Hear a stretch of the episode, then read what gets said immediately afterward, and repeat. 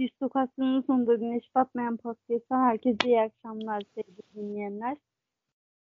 Premier Lig'in son e, haftalarına yaklaştık artık şampiyon belli oldu. Olacak hem Premier Lig gündemini değerlendireceğiz sevgili Emircan ve Ege ile birlikte hem de İngiliz futbolunun gündemini değerlendireceğiz. Ee, önce sıcak gelişme aslında gün sonuna doğru sıcak olan bir gelişmeyle başlayalım. City artık hani kim alır kim almaz büyük tartışma vardı. Ee, ve en son ile anlaştıkları Manchester ile anlaştıklarını duyurdular. Siz neler söyleyeceksiniz? Sırayla başlayalım sevgili Emrecan'la birlikte. Evet. Öncelikle herkese merhabalar. Dediğin gibi artık Premier Lig'de yarışın sonuna doğru yaklaştık. Şampiyonlar Ligi'nde finalin adı belli oldu. Yavaş yavaş takımlarda gelecek sezon planlamalarına şekil vermeye başladılar. E, transfer döneminin de en çok konuşulan isimlerinden biri tabii ki de Erling Haaland'ın e, nereye transfer olacağıydı. E, geçen hafta Erling Haaland menajeri Mino Raiola'yı kaybetmişti. Yani kendisine de başsağlığı dileyelim o anlamda. E, bunun transfere etkisi ne yönde olacak diye konuşuluyordu aslında bakarsanız. Çünkü Raiola e, transferlerden kendi cebine çok fazla e, para kaldırabilen bir insan. E, 30-40 milyon euro civarı paraları cebine indirebilen biriydi. E, onun olmadığı durumda e, City bu transferi daha rahatlıkla halletti herhalde. Biraz e, ne yazık ki vefatından faydalandığı gibi bir durum olmuş olabilir açıkçası. Haaland transferinde masada yani benim bildiğim kadarıyla Manchester City ile beraber e, daha çok İspanyol kulüpleri vardı ya. Bu İspanyol kulüpleri de Real Madrid ve Barcelona'ydı. Çünkü Haaland'ın İspanya'ya sevgisini e, herkes biliyor. İspanya'da yaşamak istediği de konuşuluyordu ki İspanya'da evi de var.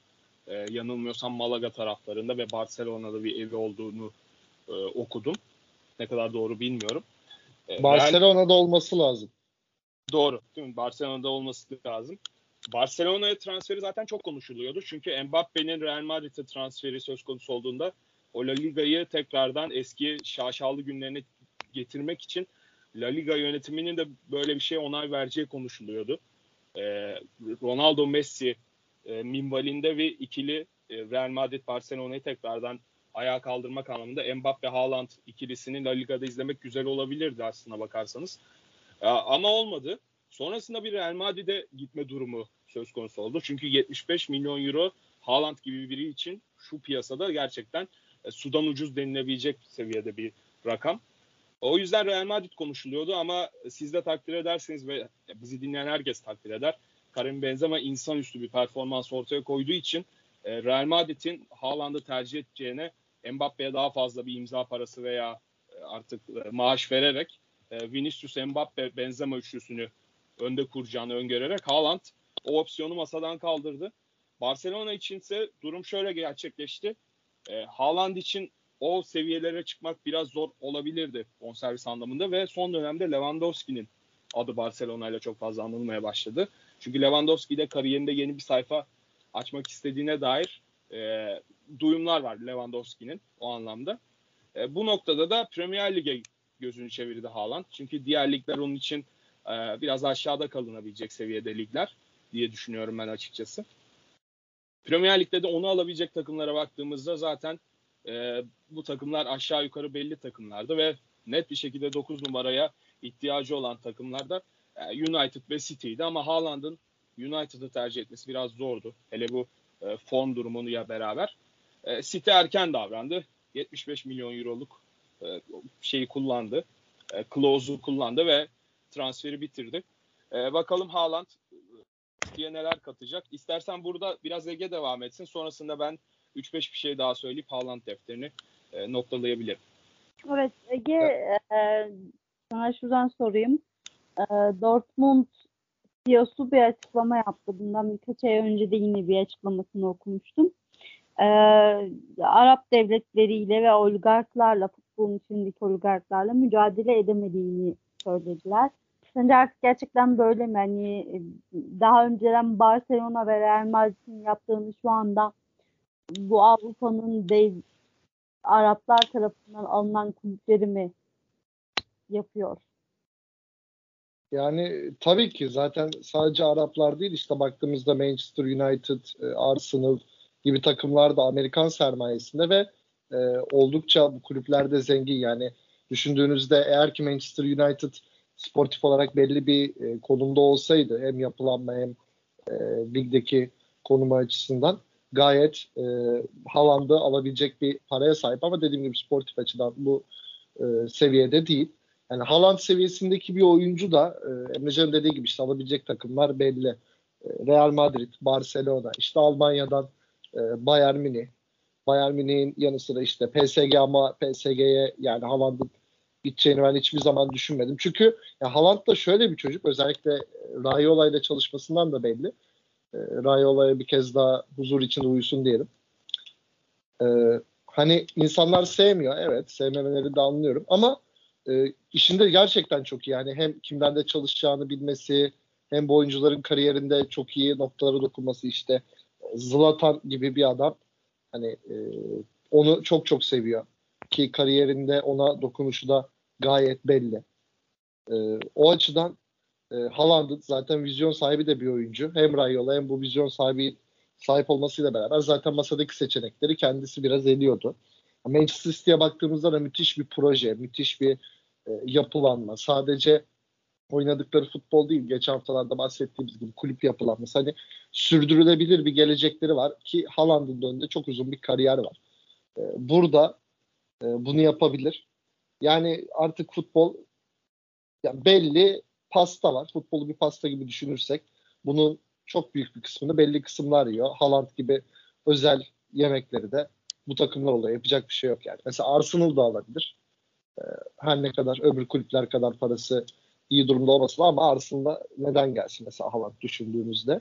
Ben şuna değinmek istiyorum da Haaland'la ilgili. Ee, Haaland e, yani Manchester'da bir 9 numara eksikliği var. Jesus zaman zaman iyi performans gösterse de zaten net bir 9 değil. İşte e, inanılmaz bir bitirici değil ve Manchester City'nin o gol aradığı dakikalarda e, gol sorununa her zaman çözüm olamayabiliyor. Özellikle e, üst seviyede. Haaland bunu yapabilecek birisi ama bundan daha da önemlisi var bence. Haaland e, bildiğimiz gibi winner bir karakter yani. Çıktığında kendisine özgüveni var. E, hani açıklamaları, şeyleri. Onda bir kazanan ruhu görüyorum ben. O hırsı. Ki bana göre Manchester City'nin en büyük ihtiyacı bu. Yani e, Kevin De Bruyne bana hani maç maç zaman zaman çok hırslı geliyor ama e, zamandaki şu açıklamasını düşününce işte biz Belçika'yız bir Fransa değiliz. Bizden Dünya Kupası kazanılması beklenmemeli. Yani e, bunu Belçika evet bir Fransa değiller ama Belçika'da oynayan bir oyuncu bunu diyorsa ben bunda winner karakter yoktur derim açıkçası. O açıdan takıma çok faydası dokunabilir. Ee, hani Manchester City'nin zaten hedefi belli. Şampiyonlar Ligi'ni kazanmak. Hep belli seviyeye geliyorlar. Özellikle son 2-3 senedir ama işte bu sene yarı final, geçen sene e, finale çıktılar. Bu son amaçlarına e, kavuşabilirler. Ama Haaland'ın Dortmund'daki kadar performans yani e, şu sebeple. E, Haaland'ın en büyük özelliklerinden birisi o patlayıcılığı. E, arkada boş alan gerekiyor. Yani City'ye karşı takımların nasıl oynadığını biliyoruz. Bu alanları kolay kolay bulamayacaktır. Ama zamanla kendisini e, pas oyununda, bağlantı oyununda keskinleştirebilirse ki bunu gayet yapabilir. E, şeyi var, potansiyeli var ve Guardiola gibi bir hocayla e, çalışacağını düşünürsek e, inanılmaz bir şey izleyebiliriz eğer bir sakatlık durumu olmazsa. Ki o da kafa kurcalıyor çünkü o fiziğe, o atletizm e, her zaman sağlıklı şeyler çıkarmayabiliyor. Evet. Burada e, Emircan'a dönmek istiyorum. Sence beklenen performansı verebilecek mi Haaland? Yani şüphesiz e, yeteneğine veya beklenen performansı vereceğine belki şüphesiz diyebiliriz ama yani kafa evet. karıştırıcı olan kısım şu. Geçen sezon e, aynı heyecan e, Grealish'te de yaşandı ve çok da büyük bir miktar paraya alınmıştı. Acaba bu kadar heyecana değecek mi sezon sonuna baktığımızda? Yani çok güzel bir soru sordun. Zaten senin sorduğun soruyu bence futbol dünyasındaki herkes soruyordur. Yani e, yetenek setiyle beraber tartışmasız e, gelecek 10-15 yılın en önemli oyuncularından biri olacağını her şekilde belli etti bence Haaland. Ama burası Premier Lig. Yani 21 yaşında çok iyi seviyede geliyor Premier Lig'e. Ama Haaland'la ilgili şöyle bir durum da var. Ege zaten az önce bir noktadan çok keskin şekilde bahsetti. City'ye karşı takımların nasıl oynadığı belli ve Haaland'ın Bundesliga'da attığı gollere bakacak olursak özellikle yani Avusturya Ligi'nde Salzburg'u daha çok Şampiyonlar Ligi'nden takip ettik biz futbol severler. Ee, ben açıkçası lig maçlarını izlemem. Ama Dortmund'un bazı lig maçlarına baktığımızda Haaland'ın aslında derine gelip aldığı toplarla ve o fiziki patlama gücüyle beraber e, top sürmesi ve sonrasında bitirişiyle beraber bulduğu çok fazla gol olmuştu. Ama bunu Premier Lig'de yapması biraz daha zor olacak. Çünkü daha fizikli bir lig, daha sert bir lig. Ona karşı daha acımasız olacaklardır. Ve bu acımasız söylemin minvalinde de şunu söylemek istiyorum. E, Borussia Dortmund'da son iki sezonda 31 maç kaçırmış bir futbolcudan bahsediyoruz aynı zamanda.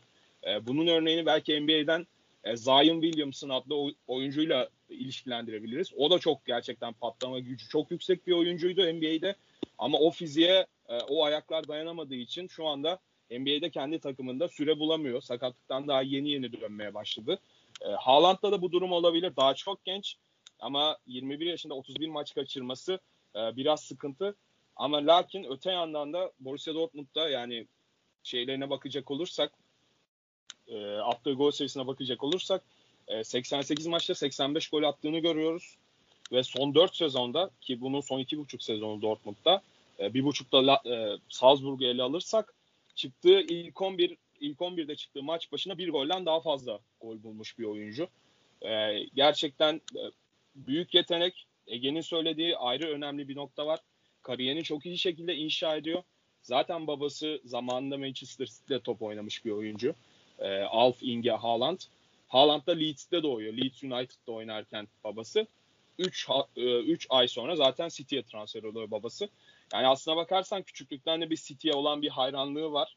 City'nin o dönem zengin olma, zengin olmayan bir kulüp olduğunu biliyoruz. Ama City olan bir hayranlığı babasının orada oynamasından ötürü var. Onun dışında şunu söylemek istiyorum. Mesela geçen hafta herkesin izlediği Bernabeu'daki Real Madrid maçı e, müthiş bir finale sahne oldu. Gerçekten sürprizlerle dolu bir maçtı. Ama orada maça bakacak olursak City'nin e, 90 dakikada Rodrigo golü bulana kadar yani ilk 90 dakikada e, 9 tane kaleyi bulan şutu var. Real Madrid'in hiçbir şutu yok. E, 90. dakikada golü buluyor. Sonra bir de 90 artıda bulduğu gollerle maçı uzatmaya taşıyor. Yani o 9 şuttan birinde belki de Haaland sahada olsaydı veya Haaland yeteneğinde bir oyuncu sahada olsaydı maçı 2-0'a getirebilirdi ve böylelikle Real Madrid'in geri dönüşü e, çok kolay olmayabilirdi. O anlamda City'nin bir 9 numara ihtiyacı olduğu belli. Guardiola'nın e, verdiği basın toplantısında ben bu konu hakkında şu an konuşamıyorum çünkü yasal yükümlülükler var diyor.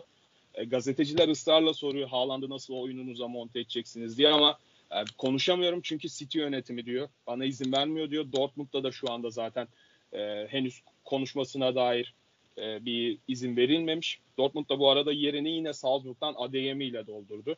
Yani öyle bir sirkülasyona girdi Dortmund'da. O anlamda son olarak da şunu söyleyeceğim. Manchester City Haaland'dan nasıl yararlanabilir ve City'de oyun nasıl değişebilir ondan bahsedeyim. Haaland e, az önce bahsettiğim şekilde gol atmayı çok seviyor. Derinde alıp gol atmayı çok seviyor ama bunu Premier Lig'de yapması zor olacaktır. Aynı zamanda cut beklediğimiz bir bölge var. Biliyorsunuz futbol e, daha böyle e, nasıl desem yeni metriklerle açıklanabilen XG işte bu tarz e, yeni kavram kavramlar çıkan bir oyuna döndü ve cutback dediğimiz pozisyonda dip çizgiye inildiğinde içeri kesilen yerden sert ortalarla bulunan gollere e, verilen bir at. Yani cutback aslında dip çizgiye inmek demek. Ve bunu City çok fazla yapıyordu. Özellikle 2018-2019'da şampiyon olduklarında Raheem Sterling ve Leroy Sané ile beraber bu şekilde çok fazla gol buldular. Özellikle kanat oyuncuları bunu çok yapıyor ama City'de bunu merkezdeki oyuncular da fazlalıkla yapıyor. Kevin De Bruyne veya İlkay Gündoğan gibi oyuncular. E, Haaland buradan çok fazla gol bulabilir. Zaten bakıldığında dünyadaki e, gollerin %25'i bu noktadan geliyormuş. Yani 4 golden biri o noktadan geliyormuş. Bu da gerçekten yüksek bir oran.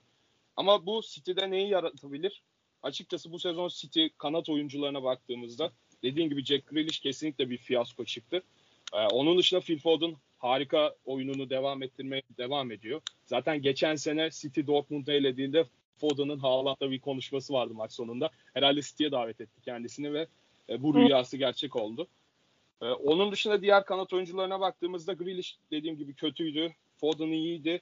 Mahrez bu sene ben benim beğendiğim oyunculardan biri aslına bakarsan ama Haaland'ın gelmesiyle ben Mahrez'in biraz formunun düşeceğini düşünüyorum. Çünkü dediğim gibi ha, e, Mahrez topu ayağına isteyen ve içeri daha çok içeri giren, orta kesen veya şut atan bir tipte bir oyuncu. Ama Foden veya Sterling gibi oyuncular o dediğim cutback koşullarını yapabilecek oyuncular. E, açıkçası Haaland'ın ilk 11 başladığı maçlarda Foden Sterling ikilisinin e, kanatlarda başlayabileceği maçları sıklıkla görebiliriz diye düşünüyorum. E, ama ben yine de Haaland'ın ilk sene uyum sağlayacağını e, düşünüyorum açıkçası. E, ne kadar gol atar bilmiyorum ama e, kesinlikle yapılması gereken nokta atışı bir transfer oldu diyor. Evet. Sağlık. Ee, buradan yani yavaş yavaş e, lideri şu anda lidere geçelim. Maç fazlasıyla liderliğe sızdılar Liverpool. Aslında bu akşam Aston Villa ile karşılaştılar ve 2-1 kazandılar. Ee, hafta sonu Tottenham derbisi vardı ki burada kritik bir puan kaybı oldu Liverpool'un. E, bir beraber kaldılar bir ve e, biraz da kritik bir biraz da puan kaybı oldu. Liverpool için aslında sıkıntılı bir durum. Ama e, bir yerden de Liverpool gerçekten tuttuğu zaman bırakmıyor da yani şu anda bırakmıyor. E, iki maç kaldı yanlış hatırlamıyorsam. Yanlış hatırlıyorsam lütfen düzelsin. E, zannediyor e, yarın City Manchester City Wolverhampton'da oynayacak. Doğru hatırlıyorum değil mi? Evet doğru hatırlıyorsun. Wolverhampton'la oynayacak ve e, Premier Lig'deki yarış iyice hani kızıştı. E, buradan City'nin puan kaybı yani City'nin olan puan kaybı olası bir puan kaybı e, tekrardan zirveyi iyice kızıştıracak ve evet Liverpool Aston Villa engelini aştı. Neredeyse bugün hatta maç önce e, yayın öncesinde de size söyledim neredeyse bugün herkes öldürür sevdiğini tarzında tweetleri görecektik. Çok zorluk çıkardı e, Gerçekten çok zorluk çıkarttı Liverpool'a. Zor kazandı Liverpool. E, bunun biraz kadrodaki rotasyona da bağlayabiliriz ama onun haricinde e, Aston Villa'da oldukça iyiydi. Aston Villa bu oyununu olası bir puan kaybında City'ye karşı o final son maçında gösterirse e, Liverpool'a olan o ayak kaymasında oluşan o borcunu ödeyebilir mi? Diyeyim ve Ege'ye bırakayım sözü. Gamze çok umutlu konuştun ama sana şöyle diyeyim. Liverpool'a buradan şampiyonluk çıkmaz maalesef. Yani bir, şey, bir şey çıkacağını sanmıyorum. Hani buradan City'nin vermesi için futbol mucizeleri gerekiyor. E, stile ilgili şu var işte e, birçok sakatları var. E, işte Ake e, bu haftaki maçı kaçıracak. E, Cancelo sakat olabilir tam emin değilim.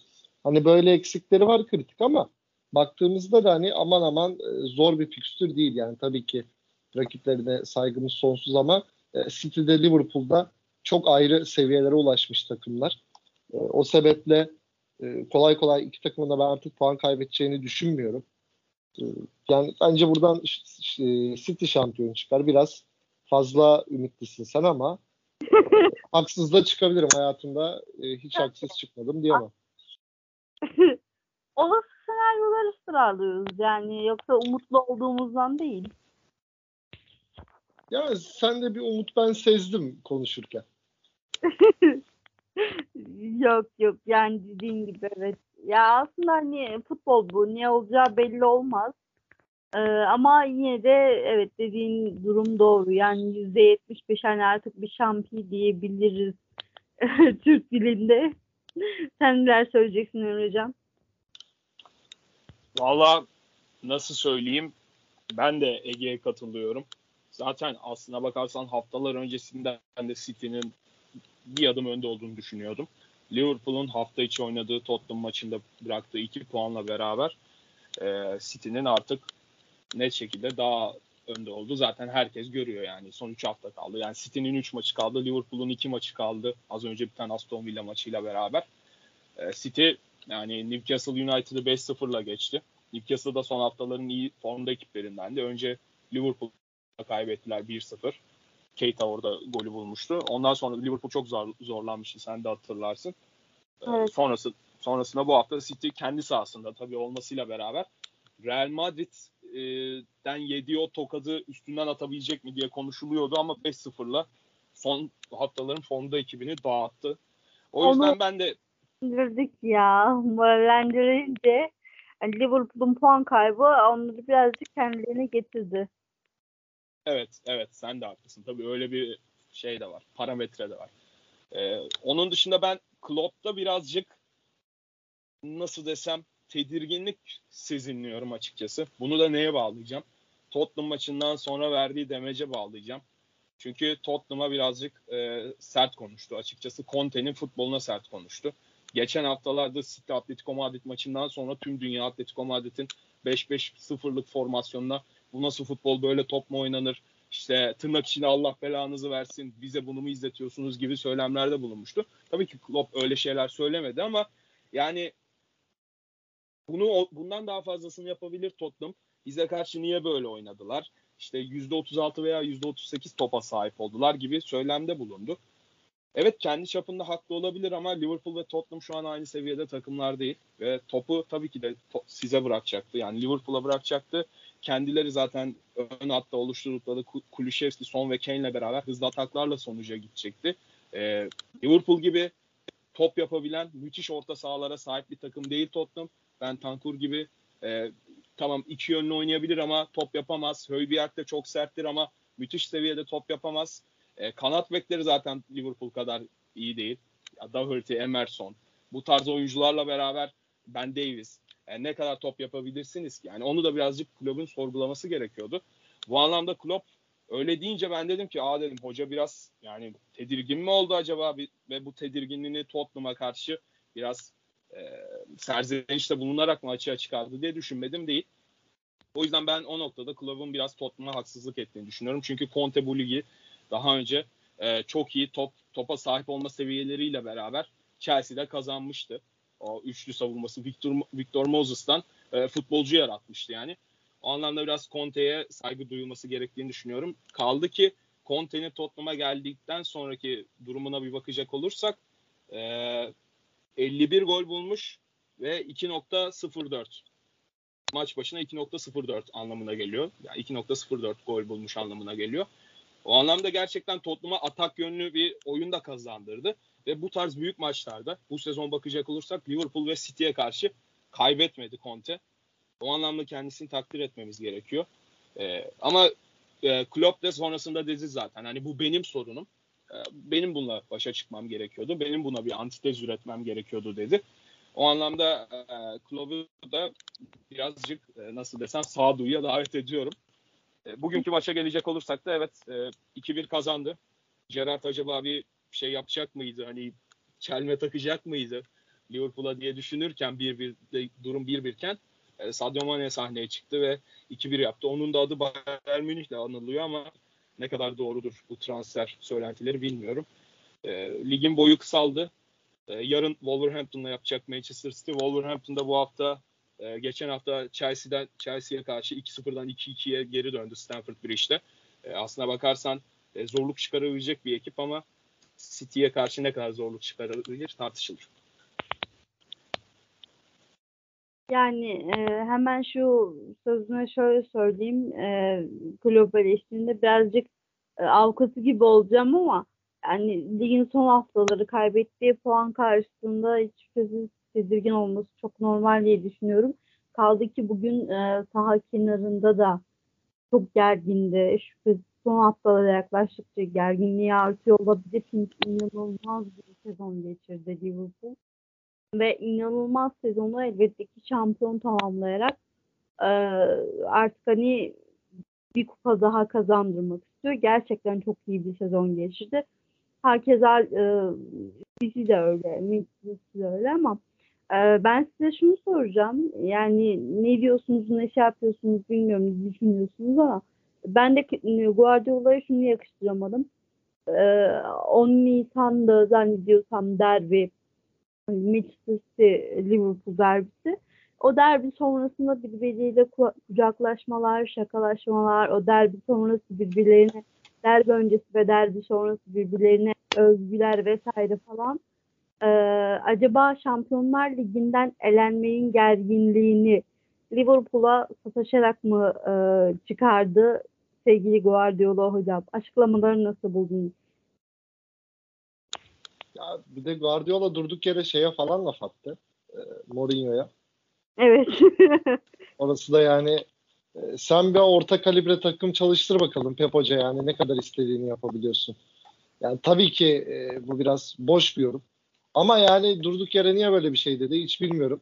İşte yani gerçek rekabet e, Guardiola Mourinho'dur. Yani Klopp, Pep sadece futbol açısından bir rekabettir. Gerçek aradığımız rekabetler bunlar. Aklıma da o geldi benim. Sen böyle deyince. Vallahi, yani haklısın. Yani kulübün avukatı olmakta da bir sakınca görmüyorum. Dediğin gibi tedirgin olabilir. Üç kupada da hala e, yani iyi konumda. Zaten ikisinde finalde FA Cup ve Şampiyonlar Ligi'nde finalde. E, burada da ligin boyu kısalmışken hala rakibini arkadan zorluyor. City'nin eline bakacak olursak zaten FA Cup yarı finalinde Liverpool'a elenmişti. E, yarı finalde Şampiyonlar Ligi yarı finalinde Real Madrid elendi. Elinde tek tutunacağı dal olarak Premier Lig kaldı. Eğer bunu kazanamazsa inanılmaz büyük kayıp olacak. Evet şu an Haaland transferiyle beraber bir camia o birlik olmuş durumda olabilir.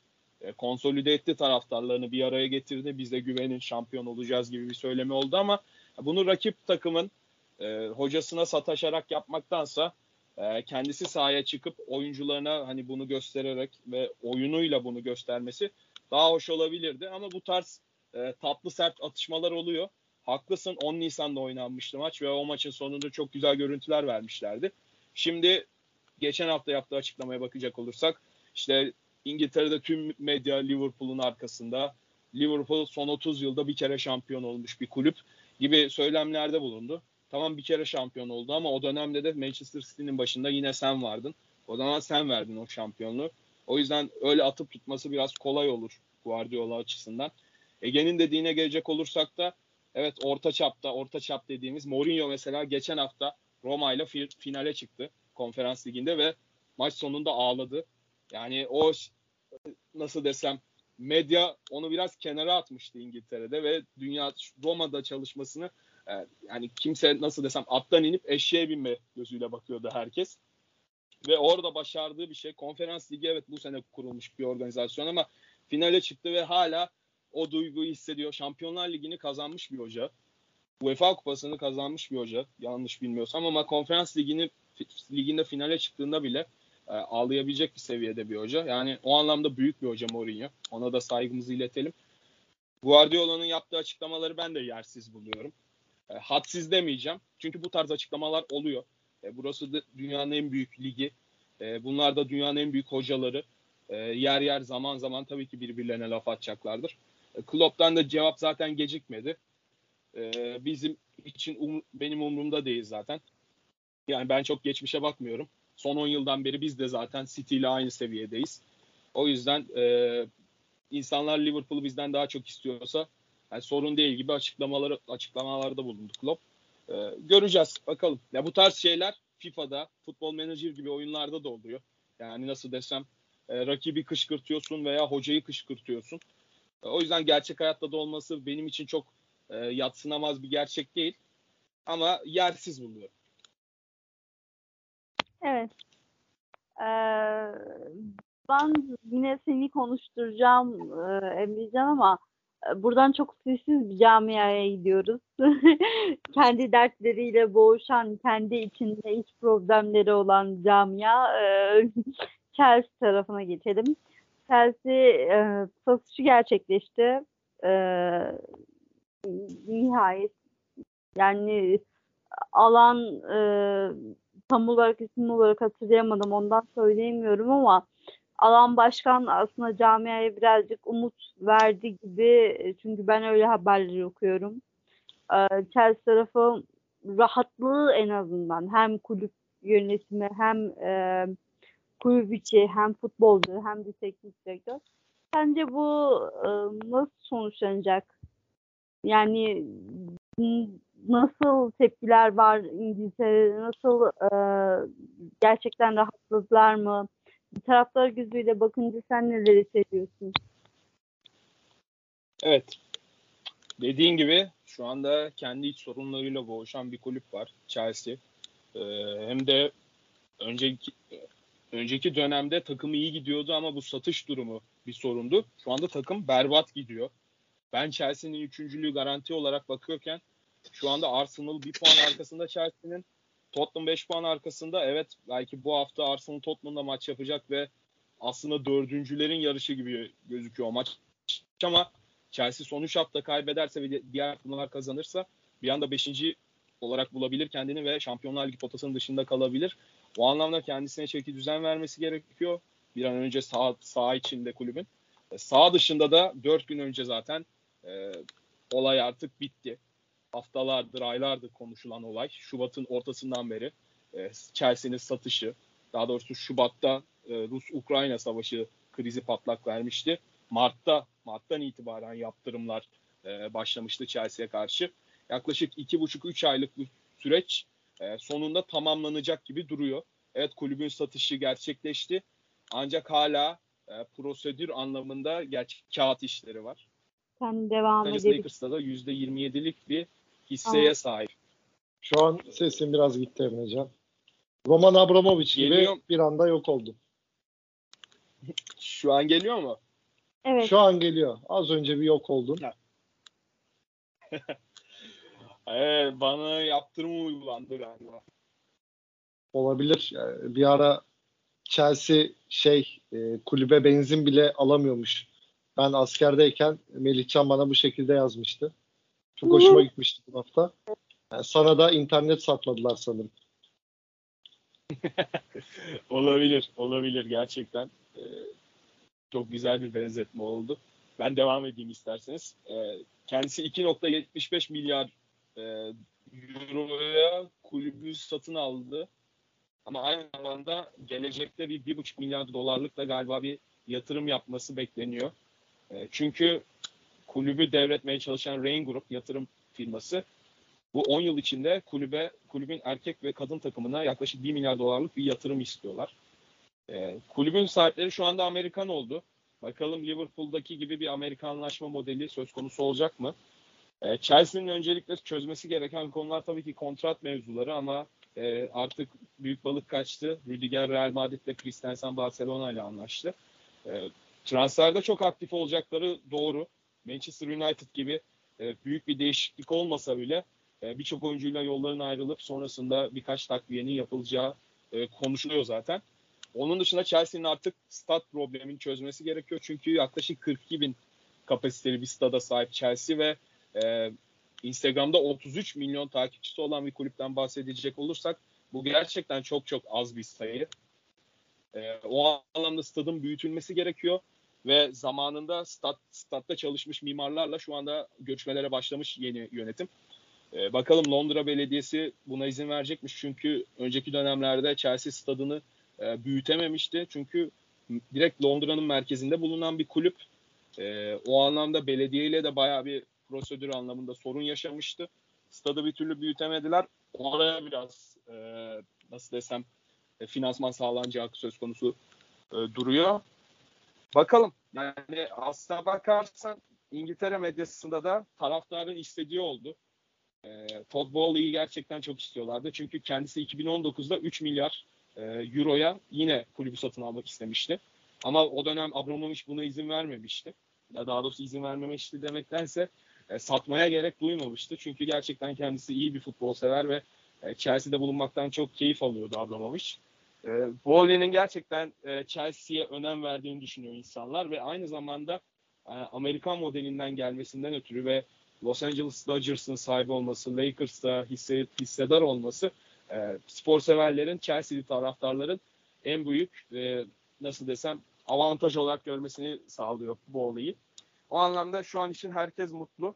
E, şu an istiyorsan bunları söyleyeyim. Ege de birkaç bir şey söylesin. Sonrasında yine devam edebilirim ben. Evet. Ege sen neler söyleyeceksin? Yani ben şunu söylemek istiyorum. Hani şu anki durumdan çok Roman Roman Abramovich kulübü aldığında neredeydi? Nereye getirdi? Yani ufak bir değinmek istiyorum. Tabii ki hepimiz biliyoruz. Nereden nereye getirdi. Yani Chelsea büyük bir takım değildi geldiğinde. Ee, hani başı oynayacaklardı. Hatta ilk geldiği dönem Ranier vardı ama e, Abramovich'in o aceleci e, çabasına, o hemen e, başarı istiyoruz çağrısına cevap veremedi ve e, bildiğimiz gibi o zamanın hani en revaçtaki teknik direktörlerinden birisi Jose, e, Jose Mourinho'yu getirdi ki e, o zaman çok zorlu bir lig. Yani şöyle şu an Premier Lig zorlu mu şampiyonluk yarışı açısından? İlk iki takımın kendi arasında evet ama öbür takımlar yanlarına bile yaklaşamıyor. Ama o dönemde baktığımızda işte Sir Alex Ferguson'la Manchester United, işte Invincibles, Arsenal e, bunun yanı sıra hep bir şekilde e, şampiyonluğa oynayan olamasa da Liverpool gibi önemli takımlar var baktığımızda.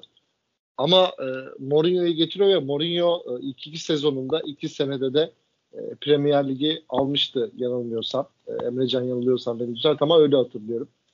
Doğru. Ki sonra sonra yine klasik 3. sezonda işler kötü gidip e, kovulmuştu yanılmıyorsam.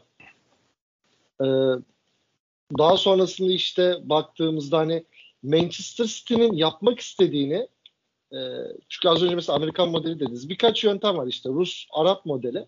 E, al, alıp elbet projeler var. Projesiz bir şey olmaz böyle durumlarda ama daha çok para saçmak üzerine ki Chelsea de saçtı yani saçmadı demiyorum.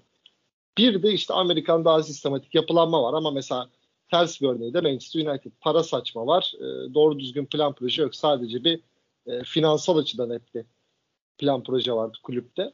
Hani oradan baktığımızda çok çok başarılı işler başardı bence Abramovich. Yani bakıyorsunuz işte Manchester City e, 10-11 senedir deniyor ama Abramovich bunu e, yaklaşık 5-6 sene içerisinde e, Drogba ile kazanılan 2014 yok o kadar değil.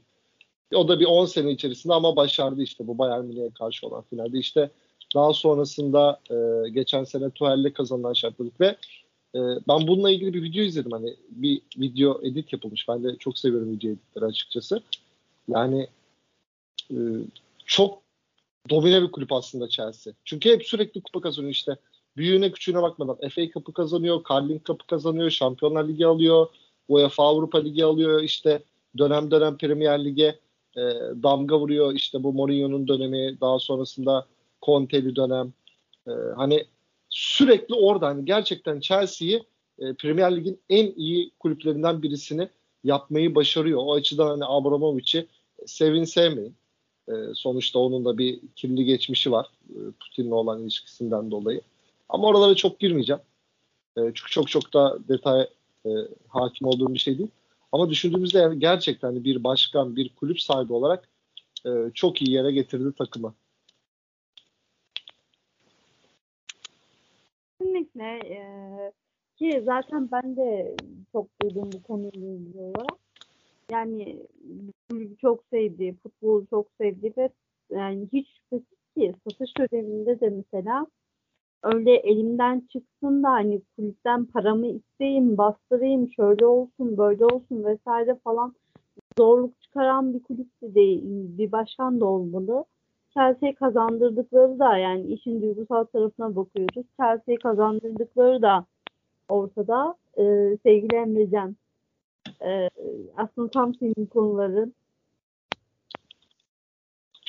Yani e, aslına bakarsan benim Chelsea'li olma durumum birazcık nasıl desem çok komik bir hikayeyle başladı. Ben Premier Ligi takip ederken bunu zaten geçen haftalarda da söylemiştim. Benim en sevdiğim futbolcu Thierry Henry'di. Yani aslında bir yani en büyük rakibimin en iyi oyuncusuna vurulmuştum ilk izlediğimde ama o dönem Chelsea'ye karşı müthiş bir hayranlık beslemiyordum. Zaten Chelsea'de Ege'nin söylediği gibi sadece 1955'te şampiyon olmuş, tek şampiyonluğu bulunan bir kulüp. Ee, 2003'te Abramovich'in gelmesiyle beraber şaha kalkmış bir kulüp. O dönemde ben de 2004'te falan futbolla artık haşir neşir olmaya başladığım için e, çok da Chelsea'li değildim.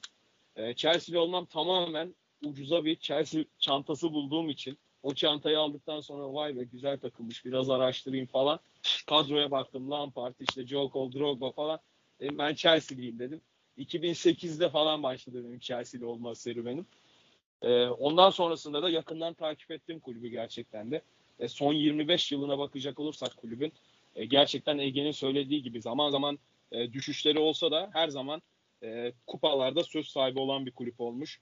5 kere Premier Lig, 7 kere FA Cup, e, 4 kere Lig Kupası, 2 Şampiyonlar Ligi şampiyonluğu, 2 UEFA Avrupa Ligi şampiyonluğu, 2 UEFA Süper Kupa şampiyonluğu ve 1 e, FIFA Kulüpler Dünya Kupası şampiyonluğu görmüş kulüp. Yani taraftarı her zaman kupaya aç ve kupa gören bir kulüp. Çok fazla kupa için bekleyen bir kulüp olmadı Chelsea. E, bunu da sağlayan Roman Abramovich oldu. Zamanında bu kulübü 1 euroya satın aldı 1982'de. Ama o dönemki borçlarını da üstlendi. Borç da yanlış hatırlamıyorsam ya 80 ya 140 milyon pound gibi bir şeydi. E, bu konuyla ilgili ben bir program yapmıştım yaklaşık bir ay önce. E, başka podcast kanalında. E, dileyenler olursa orada dinleyebilirler. Abramovich dönemini yaklaşık 30 dakika ele almıştım. E, transferleriyle beraber.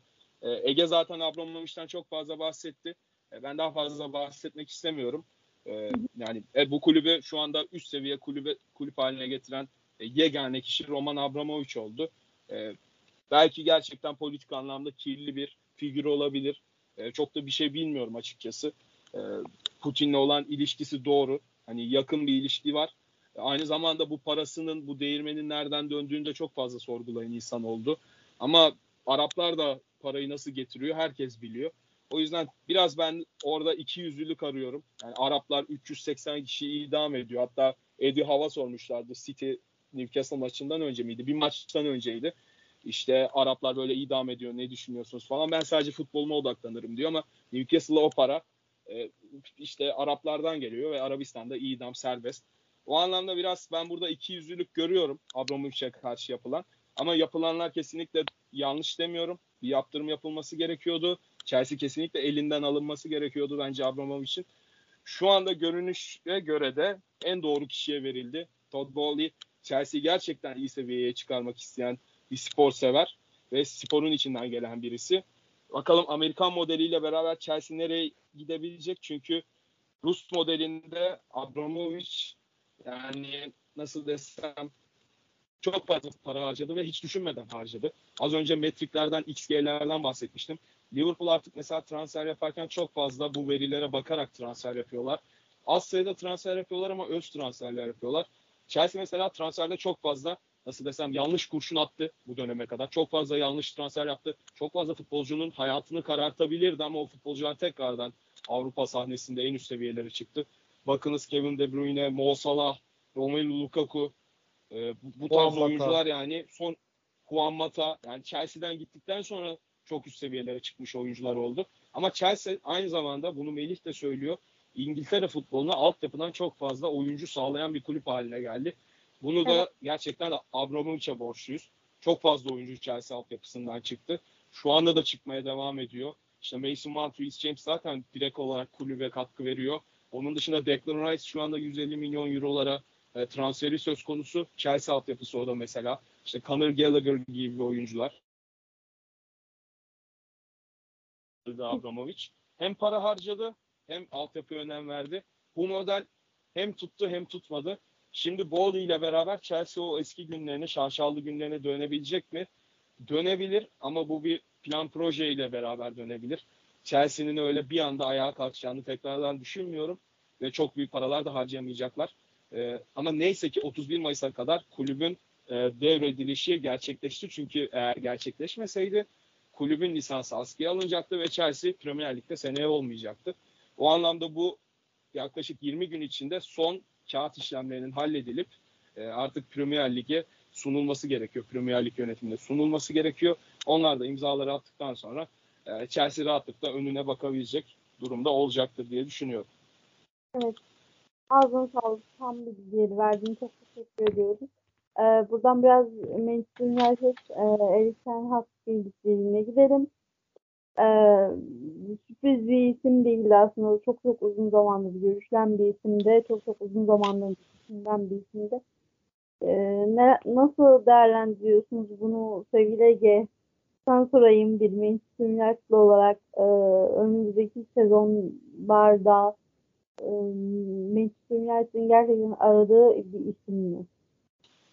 Yani şöyle söyleyeyim. Bence Ten Hag yanlış seçim. Bunun da sebebi e, şey değil. Hocanın kalitesi, uyum falan değil. E, şöyle söyleyeyim.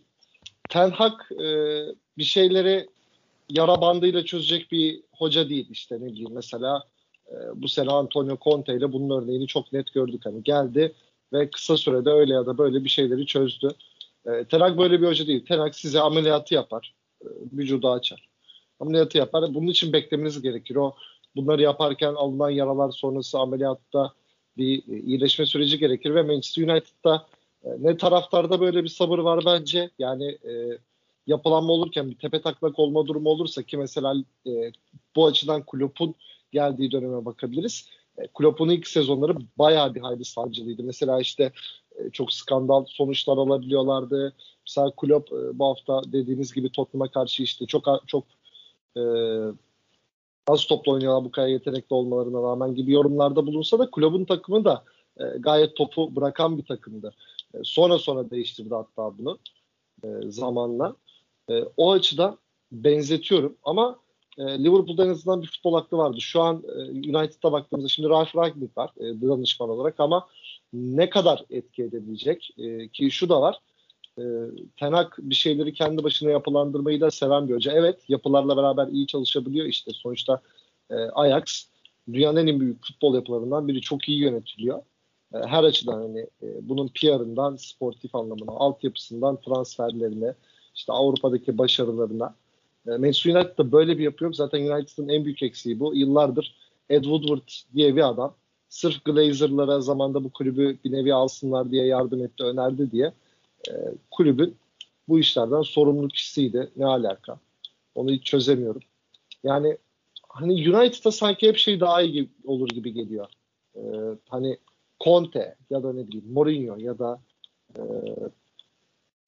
hani yaraları Pochettino. saracak ama ya Pochettino da yapı hocası. Yani o da ama mesela e, Ten daha böyle bir şey e, nasıl diyeyim anlık tedavi bulacak gibi geliyor bana. Onun dışında şu da var. Yani düşündüğümüzde Manchester United'la ilgili e, bu takım çok büyük bir yapıya sahipti ama sonra Alex Ferguson gidince bütün yapı çöktü. Oradan beraber çok yalpaladı. Artık e, o kadar yalpaladı ki bu e, teknik direktör sayılarına, sonuçlarına, kulübün başarısına, oyuncu e, yani şu an içeride inanılmaz böyle çok oyuncu var ama yani dolu oyuncu kaç tane var? 10 tane sayamam ben. Hani atıyorum şey bile diyebilirsiniz hani. Ya 10 tane oyuncu var 10 tane stoper var. Yok yani bölge bölge bile her bölgeden iki oyuncu sayamıyorsun. O açıdan e, yani süre gerekecek. Buna taraftar nasıl tepki verecek bu yapılanma olurken olabilirse e, yönetim nasıl tepki verecek, sonuçlar nasıl olacak, neden yapılabileceksin çünkü işte kimler gidiyor? Mata, Cavani, Lingard, Pogba ama içeride yine bayağı bir oyuncu kalıyor. E kaç oyuncu alabileceksin? E, zaten futbol dünyasında her bir oyuncunun fiyat artmış ki Manchester United bir zengin bir kulüp olduğunuz için de herkes sizden daha fahiş fiyatlar e, bekliyor. O ki zaten PR transferini de çok sever Manchester United. Yani o açıdan e, çok fazla soru işareti var. E, mesela ben diyorum keşke e, Solskjaer gittiğinde Conte'yi alsaydık yaraları sarardı. Yani bu sene mesela Manchester United'ın en başarılı teknik direktörü kim? Bakalım bulabilecek misiniz? Carrick. Evet Michael Carrick. Yani düşününce. O, o da zaten tam böyle yaraları sarma geçici hocaydı yani. O denli kulübe işlemiş artık. Hani e, Manchester United şey bile yapabilir. Beş tane hocayla anlaşsın. Abi siz aranızda dönüşümlü. Bizde yeni kan gelmiş gibi her bir şey yapalım bakalım bu nasıl oluyor denebilirdi bile yani. O kadar saçma bir duruma vardı ki. Merak ediyorum ama ne olacak bilmiyorum. Cristiano Ronaldo'nun da ayrılacağı, ayrılabileceği konuşuluyor. Yani Bence. Onu pek istemiyorum ben. E, çünkü şey yorumların gerçekten hani bana boş geliyor. Götürüsü var mıdır? Ya evet vardır. Her oyuncunun var. Lionel Messi'nin de var. Ee, ama yani takıma kattıkları liderliği e, bu açıdan önemli. Ki yani yerine getirip kim alacaksın? O, o zaman oraya yine o gol katkısını işte 20 küsur gol katkısını sunabilecek bir oyuncu alman lazım. E kimi alacaksın? Bu kadar alman gereken mevki varken düşündüğünde. O açıdan e, karmaşık durumlar. Ve Cristiano Ronaldo zaten son bir, bir aydır, bir buçuk aydır yani en azından askerden geldiğimden beri hem, hem oyunun içinde hem çabalıyor, yırtınıyor. e, takımda en çok mücadele eden oyuncu. Ki ben Tenag olsam da çalışmak isterim. Hani hiç sistemime uymuyor falan filan demem. Yani teknik direktörlerin de ben artık şunu becermesi gerektiğini düşünüyorum. Ya ben bir teknik direktörüm. Ben elimdeki malzemeye göre de iş yapabilirim. Ronaldo gibi bir oyuncuyla yaşlı olsa da çalışma fırsatım var. Ben dünyaya yıldız oyuncularla da e, çalışabildiğimi, bunun bir eksim olmadığını göstereyim ki ileride benim de CV'mde yer alsın. Hem Ronaldo'dan ben kendim de yani e, teknik direktörler de oyunculardan bir şey kapabiliyor. Hani bunu bir kendisini de görmesini isterim e, açıkçası. Ronaldo umarım gitmez çünkü bence e, takım rezalet olsa da e, iyi bir sezon geçirdi ki bu kadar kötü bir takımda geçirdi yani. Öyle ya da böyle bir şekilde gol attı. De Gea ve United'ı çıkarsanız United küme düşebilirdi gerçekten. Ben bunun aksini iddia edemiyorum. Evet, e, aslında senin dediğin konu Ronaldo konusu gerçekten büyük bir soru işareti. E, Alex Ferguson kalmasını istiyor. Geçtiğimiz günlerde haberini okumuştum. E, görüşmeleri onunla sürdürüyor. Kendi kalmayı istiyor. E, ama onu istemeyen bir kişi kulüpte şu an danışma olarak devam eden Ralf Rangnick. Onu tek bir kadroda gelecek sezon düşünmüyor. Bunu e, alttan alttan mesaj olarak veriyor. Ten Hag da ben istediği yönde takımda kalmasını istediği yönde e, haberler okudum. A, tuhaf bir durum yani e, takımda devam etsin de etmesin e, bu değil benim sorun. Şöyle e, Ten Hag ve Ragnik'in fikir çatışması yaşadığı, yaşayacağı bir yerde takım ne kadar başarılı olabilir? Ya, Sen... O da benim kafamda bir soru işareti. Çünkü hani Rangnick de Ten biraz dediğim dedik insan özellikle Rangnick ki büyük bir futbol aklı olmasına rağmen bu yüzden e, hiç onu beklediğimiz seviyelerde göremedik. E, bence bayağı bir çalışacak onlar. Ki Rangnick de zaten e, Avusturya milli takımının da başına geçti. Evet. Sen neler söyleyeceksin Emrecan? Evet. Ege zaten çok güzel şekilde özetledi. Ama ben biraz daha nasıl desem iyimserim. Manchester United konusunda. Zaten geçen hafta yaptığımız programda da yine e, Melih ve Ege United hakkında biraz daha kötümser konuşurken ben iyimserim. Yani tabii ki şampiyonluk yarışında en büyük favori olmayacaklar ama iyi bir rotada yol çizeceklerini düşünüyorum ve Erik Ten Hag Pochettino ikilisinden hangisini tercih edecek hangisini tercih etmelisin dersen ben Ten Hag'dan yana kullanırdım oyunu. Ee, yine bu noktada Ege ve Melih Pochettino'dan yana kullandı. Yani çok keskin hatlarda ilerliyoruz. Ne olacak bilmiyorum. Tamamen benim istediğim senaryoda ilerliyor şu anda her şey. Ama United'da ne olacak göreceğiz. United gerçekten şu anda e, Premier Lig'in en kaotik kulübü. Dünyada e, şu anda bilmiyorum ama 5 yıl önce en çok taraftara sahip kulüptü. Özellikle Güney Asya pazarında, Güneydoğu Asya'da çok fazla futbol sever United'ı takip ediyordu. Yani orada Vietnam'da işte hani Kamboçya'da Filipinler'de futbol o kadar da önemli bir spor değilken herkes United'ı izlemek için işte barlara, televizyonlara akın ediyorlardı. Yani böylesine e, gücünü tarihinden alan bir kulübün bu duruma düşmesi inan bence her futbol severi e, nasıl desem üzüyordur. Ya beni üzüyor. Tamam United'ın her sene şampiyon olmasını istemem ama bu konumda bu buralarda sürüklenmesi de e, beni üzüyor. Belki seni üzmez çünkü sen Liverpool'lusun direkt olarak rakibin. Ama beni üzüyor. E, şu anda United'ın e, ligi en kötü seviyede bitirme şansı var. Yani United 2013-2014'te 64 puanla 7. bitirmiş. Onun dışında en düşük seviyesi yok. Şu anda bakıyorum tabloya 6. ve bir maç fazlasıyla 3 puan önünde West Ham. West Ham kazanırsa United otomatik olarak 7.liğe düşüyor ve tekrardan 7. bitirebilir. Wolverhampton'ın yakalayabileceğini düşünmüyorum ama 35 maçı var Wolverhampton'ın da yani 2 maç geride United'dan. Ama yine de yakalayabileceğini düşünmüyorum. Çünkü City'ye kaybedeceklerdir diye bekliyorum. Ee, o anlamda United ligi çok kötü bir noktada bitirecek. Yani ilk dört yarışındaydı ama kritik maçları kaybetti.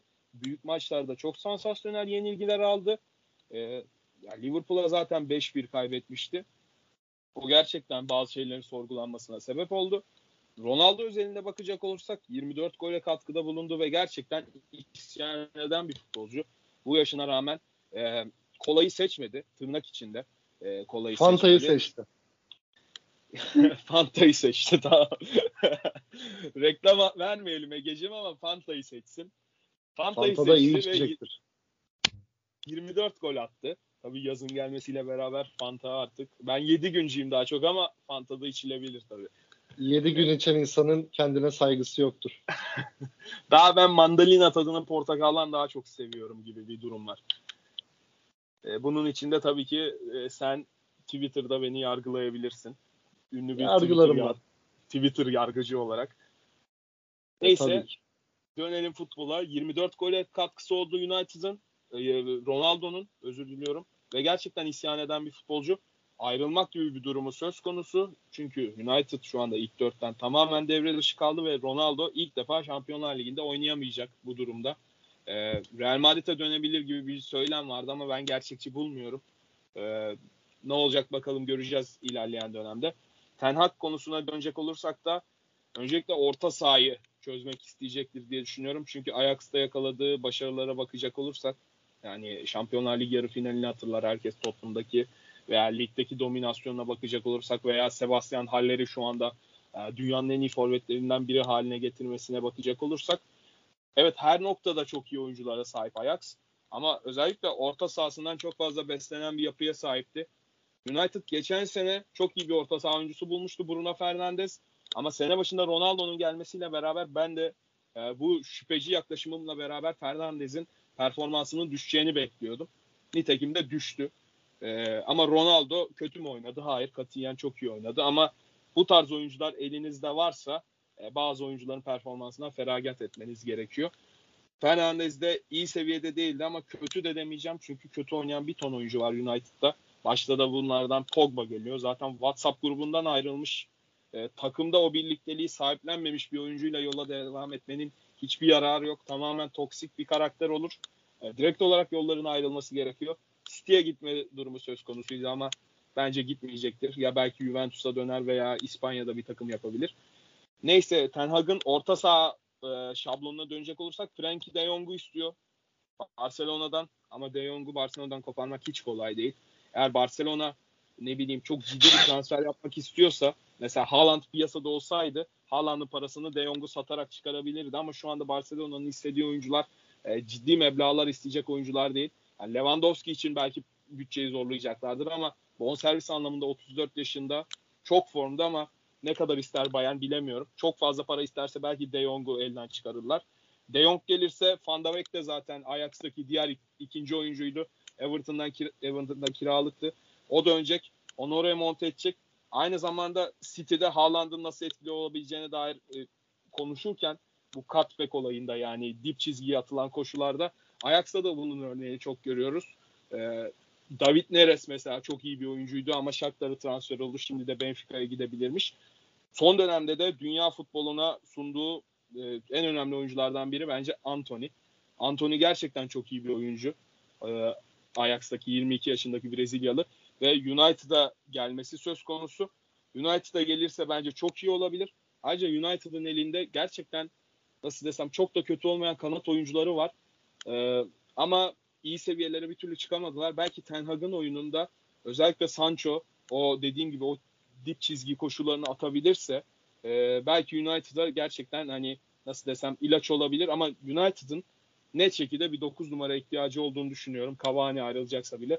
Ve City alanda almışken e, eğer parası varsa Harry Kane'i zorlamak için hani tam da sırası bu zaman.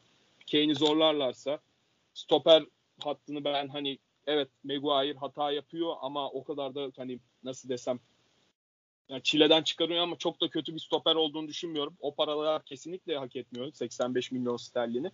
Ama hani ayağı düzgün ve Varan'la beraber çünkü Varan bu sene çok fazla maç kaçırdı. Varan'la beraber birazcık oynama ritmi yakalayabilirse ondan da kapacağı şeylerle beraber iyi seviyelere çıkabilir. Ee, bir de belki sol bek alabilir United. Bilmiyorum Alex Telles'ten ne kadar memnunlar ama e, ben United'a dair umutluyum. Ten Hag'ın da doğru seçim olduğunu düşünüyorum. Rangnick'le çatışacaklar mı? Kesinlikle çatışacaklar. O konuda size katılıyorum. Ve Rangnick ne kadar United'a katkılı sağlayabilecek, faydalı olabilecek o konuda da şüpheciyim. Evet milli takım hocası belki her hafta maç yapmayacak ama asıl görevi aslına bakarsan artık milli takım hocalığı oldu. Danışmanlık yapıyor United'a. nedenle etkili olabilir? Bu da tartışılır. Göreceğiz bakalım. Heyecanla bekliyorum. Ben United'ı seneye yakından takip etmeyi düşünenlerdenim. Evet. Ağzına sağlık hiç şüphesiz. Ee, zaten her sene olduğu gibi hepimiz tarafından merakla takip edilecektir e, dediğin gibi.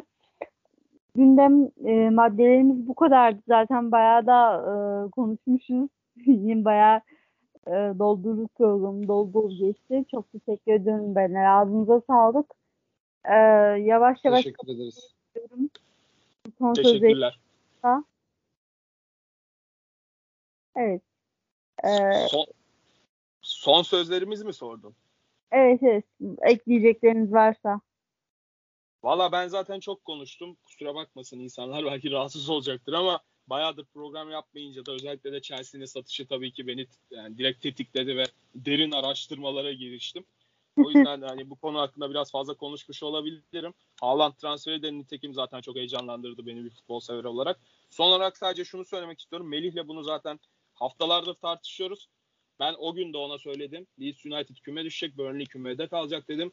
Leeds'in gidişatı hiç doğru yolda değil ama yarın Chelsea ile karşılaşacaklar. Chelsea de çok kötü gidiyor ve 5 gün pardon 4 gün sonra Liverpool'la bir kupa finali var Chelsea'nin. Ee, bakalım o finale nasıl çıkacaklar. Leeds United'dan bir tokat yerlerse gerçekten çok büyük problem olabilir. Ama tam tersi yönde Leeds kaybederse e, ben artık Leeds'e bye bye olduğunu düşünüyorum. E, bakalım. O, ben çünkü son haftalarda şampiyonluk yarışıyla beraber küme düşme yarışını takip etmeyi sevenlerden biriyim. E, o noktada da o maçları da yakından takip edeceğim. Zaten e,